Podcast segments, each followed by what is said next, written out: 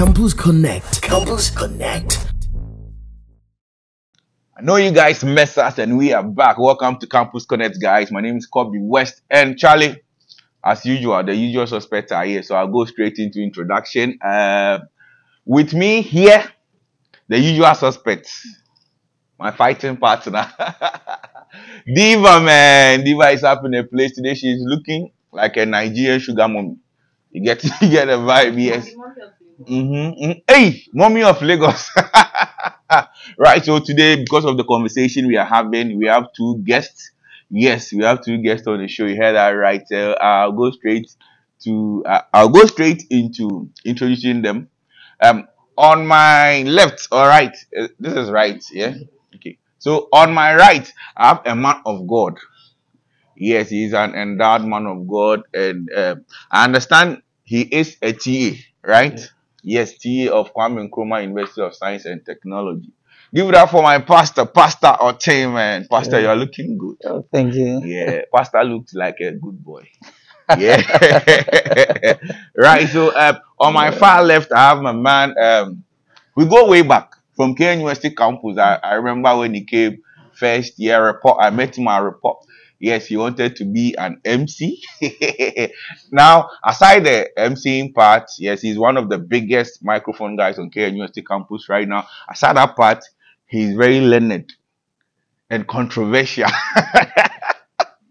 Ladies and gentlemen, give it up for my man, Password, man. Password, welcome to the show. Thanks, thanks, thanks. Yeah, so um, I told you we had two guests on the show today. We have two guests on the show today because of the topic we are discussing. We are discussing religion on campus and its impact on students.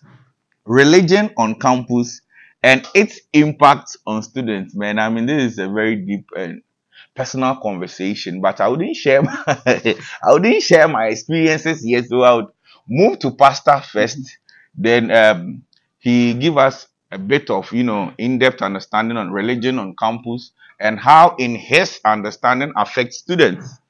Yeah, so pastor, welcome once again. And um you think religion, the level of religion, especially Christianity on campus, is necessary?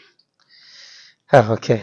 Thank you for this question. And uh, one thing, first of all, I want all of us to understand this: you can never take away spirituality Mm. from our lives. Yeah. So if no matter how or whoever or whatever anyone believes in, Mm. one point I want to establish is that uh, if anyone wants to establish life as only the physical that we we see, then we are wrong. Mm. Not to condemn anyone of whatever that person believes in, but one thing I want us to establish is that uh, we can never and never ignore spirituality. Mm. We can never take religion out of life. That would be a very big mistake. So if you see people who only believes in maybe those people that they call themselves agnostics and others that they don't believe in any other thing, Yeah. uh, fine, that is also their choice. And one thing about life, and one thing God has given to us, even as Deuteronomy 30 says, is Mm. the gift of choice. That is one gift that God has given to each and every person. That you have your choice. You can choose whatever you do.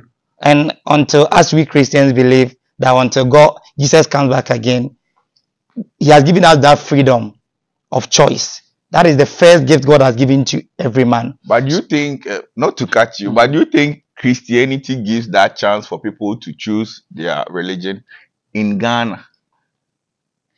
Like people choose their will or their religion. No, Christianity frowns on other religion in this country. You all know, or you are not aware. No, I, I- will not say almost all the religions they found on each other. I- There is a bit of that in all the uh, religions. We cannot only uh, bring this one narrow only to Christianity. Mm. At least there is a bit of this. Let's say there are times or there are occasions that no matter what a Muslim will not buy into an idea of a Christian. The same that applies to even the traditionalists. There are instances you not only limit this to only Christianity, but it cut across. And so that one, you know, so come, coming back to my point Yeah. of what I'm making, like, so I wanted to establish that point that